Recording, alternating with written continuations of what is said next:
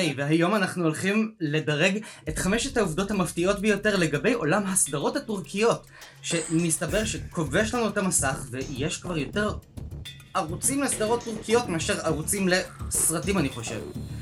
תדעו אותי אם אני צודק, בואו רגע נצא לדרך. לפני שנצא לדרך, אל תשכחו לעשות לייק לדף של שימו לב, ועקבו אחרי הפודקאסט, שימו לב, בכל אפליקציות ההסכתים, כדי לקבל את הסיפורים המפתיעים ביותר, על האנשים שלא בטוח שהכרתם. במקום החמישי, עולם הסדרות הטורקיות הפך את טורקיה ליצואנית הסדרות השנייה בגודלה בעולם, אחרי ארצות הברית.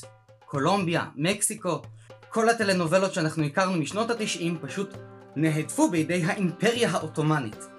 גם בדרום אמריקה, דרך אגב, מייבאים סדרות טורקיות. אבל המדינה שמטורפת יותר מכל על סדרות טורקיות היא פקיסטן, שבה חצי מהמדינה ישבה כדי לצפות בפרק האחרון של הסדרה הפחונים כבר ריקים. במקום הרביעי אנחנו עם השחזורים המדויקים והמפוארים שיש בסדרות הטורקיות. תחשבו על משחקי הכס.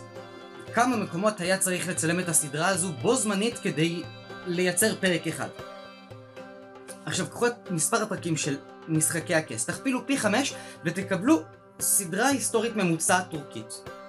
עם לא פחות אקשן ולא פחות שחזורים מדויקים עד לרמת הרקמה, לא פחות קרבות היסטוריים ומטורפים.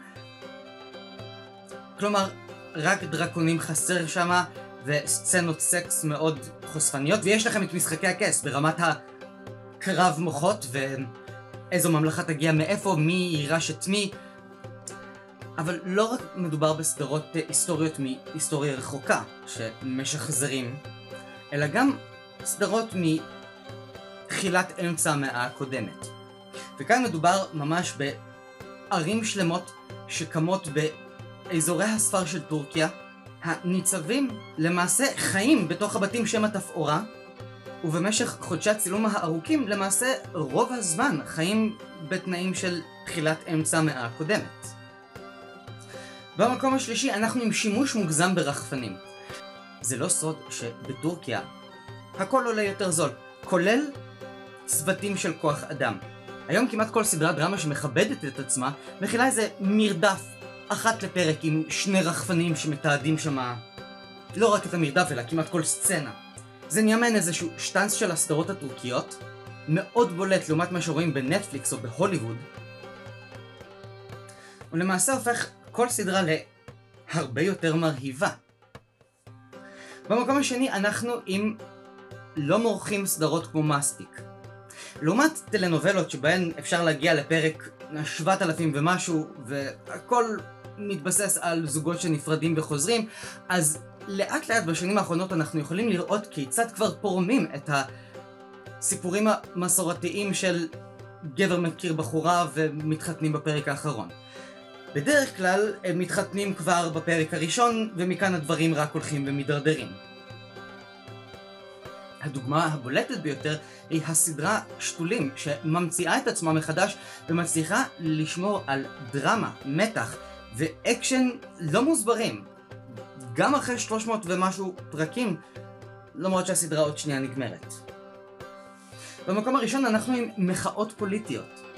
מסתבר שטורקיה, המדינה שאנחנו כולנו יודעים עליה שהיא מאוד מאוד לא סובלנית כלפי כל ביקורת נגד השלטון, מייצגת את הזעקה של העם הקטן והאנשים הנחלשים בעזרת הסדרות הטורקיות.